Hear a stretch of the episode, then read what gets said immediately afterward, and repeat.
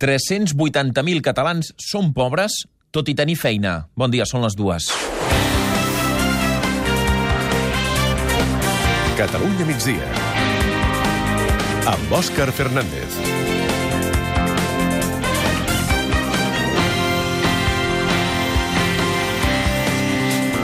L'època en què treballar, tenir una feina, garantia una vida còmoda, ja fa temps que va acabar. Avui en tenim dades. Cada cop més gent no arriba a final de mes, tot i tenir aquesta feina. Els sous són tan baixos, els contractes tan precaris, que gairebé 400.000 treballadors catalans viuen en la pobresa. És un 11% més que ara fa 4 anys. Són persones que cobren menys de 10.000 euros bruts l'any i que majoritàriament tenen contractes temporals o a temps parcial. Romina Garcia és la coordinadora de l'estudi que ha fet el sindicat Comissions Obreres. Que ens trobem davant d'un mercat de treball deteriorat, precari, incapaç de generar ocupació de qualitat, que hi ha moltes famílies en situació de risc i que el sistema de protecció per atur no protegeix com ho hauria de fer. De seguida us donem més dades del que diu aquest informe. També anirem cap a Girona, perquè els pares d'aquella nena de 6 anys que va morir en l'accident d'un inflable en un restaurant de Caldes de Malavella fa dos mesos, i també els pares dels nens que van resultar ferits, es plantegen acusar també l'administració com a responsable del sinistre. Avui han declarat com a testimonis davant del jutge que porta el cas a Santa Coloma de Farners, a la Selva. Anem cap allà, Clara Jordan, bon dia. Han dit que en el moment de l'accident hi podria haver hagut un fort cop de vent. Hola, bon dia. Sí, cadascuna de les cinc famílies ha explicat com van viure l'accident, on eren i què van veure. Han dit que ningú els va advertir de res i que ningú vigilava. També que els nens estan encara recuperant-se de les ferides patides i en algun cas, com deies, recorden que va bufar un fort vent. Aquí s'hi agafa la defensa. Escoltem Carles Monguilot. Si es va moure l'infable fins a sortir projectats els nens és que evidentment va haver una força que, que ho va provocar. I l'explicació podria ser aquesta ràfaga de vent.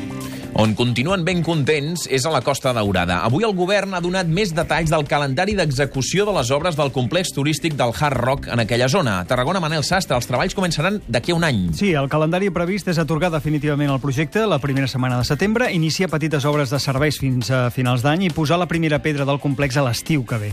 Rull creu, eh, Josep Rull, en unes declaracions a TV3, creu que Hard Rock podria començar a obrir progressivament el 2020 i que això dispararà els creuers al port de Tarragona i les connexions connexions aèries a l'aeroport de Reus. I de la crònica política continua l'enrenou al voltant del posicionament dels comuns i de Podem en quant al referèndum de l'1 d'octubre. Pablo Iglesias, líder de Podemos, rectifica. Diu que cal facilitar el referèndum. Es posa així, per tant, al costat de l'alcaldessa de Barcelona, Ada Colau. Madrid, Queta Carmany, hi ha hagut canvi de posició a Podem. Sí, Pablo Iglesias continua qualificant el referèndum de l'1 d'octubre com una mobilització. Ara bé, veu lògic avui que les institucions en demanin la participació. Assegura que està al costat d'Ada Colau. A nuestro juicio, las instituciones tienen que facilitar por todos los medios que una movilización política se pueda producir.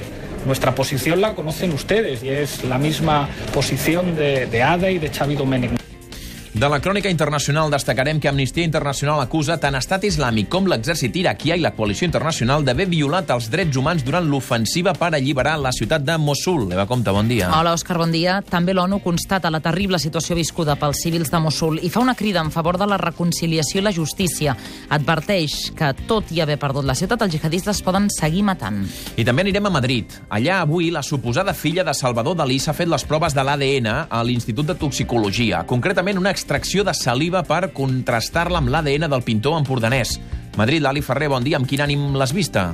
Bon dia, doncs Pilar Albel ha sortit eufòrica d'aquest Institut de Toxicologia on li han extret aquestes mostres de saliva, acompanyada pel seu advocat d'ofici i enmig d'una gran expectació mediàtica, aquesta dona de 62 anys, que es guanya la vida com a pitonissa, s'ha trobat molt confortable. Avui és un dia molt especial per mi. Després de tota la meva lluita que tinc, que he tingut molt forta i, i porto molt d'anys, per mi ja venir aquí és un pas molt essencial, no? I en el món de la cultura també passarem per Rússia, on una nova polèmica afecta el teatre Bolshoi de Moscou. Ara per la suspensió d'un espectacle de ballet de Rudolf Nureyev, i és que algunes veus asseguren que el govern rus l'ha vetat perquè considera que fa propaganda de l'homosexualitat. I quan passin 5 minuts de dos quarts serà el moment de les notícies pròximes. Comencem el repàs avui a Lleida, Alba Barbosa.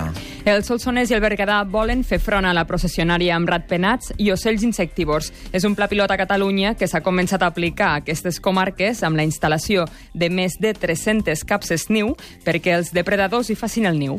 I seguirem a Barcelona, Marc Jurado. Ha mort un home apunyalat a la porta de casa seva al districte de Sant Martí de Barcelona, molt a la vora del fòrum. Els Mossos busquen l'agressor, que aquest matí, cap a quarts de 10, ha fugit després d'agredir l'home de 64 anys que ha mort i una veïna que ha quedat ferida lleu. Anem ara a Tarragona, Rosa Pujol. El Priorat s'asseca i reclama l'aigua de la seva conca. Els alcaldes exigeixen solucions i volen que revisi el desviament d'aigua des del riu Siurana al pantà de Riudecanyes. Diuen que això està afectant greument el desenvolupament econòmic de la comarca. I acabem el repàs a Girona, Marc Vidal. L'entitat ecologista Iaeden Salveu l'Empordà fa un crit d'alerta ja que els han condemnat a pagar les costes dels recursos contra la línia de molt alta tensió. Això els aboca, diuen, a l'ofec econòmic. En total, com a mínim, seran 17.600 euros. Ho qualifiquen de càstig polític i demanen ajuda a tothom. I després de les notícies pròximes, quan faltin 20 minuts per arribar a les 3, serà el moment de l'actualitat esportiva. Jordi Túrria, bon dia. Hola, bon dia. Agustí Benedito acaba d'explicar com serà el vot de censura que promou a l'actual junta directiva del Barça. Però abans, una notícia d'última hora. El Madrid cedeix James al Bayern de Munic per dues temporades amb opció, sembla que obligatòria, de compra per part del conjunt alemany. Sobre la moció de censura, Agustí Benedito ha dibuixat un calendari amb dues opcions, o la segona quinzena del mes d'agost o la segona del mes de setembre.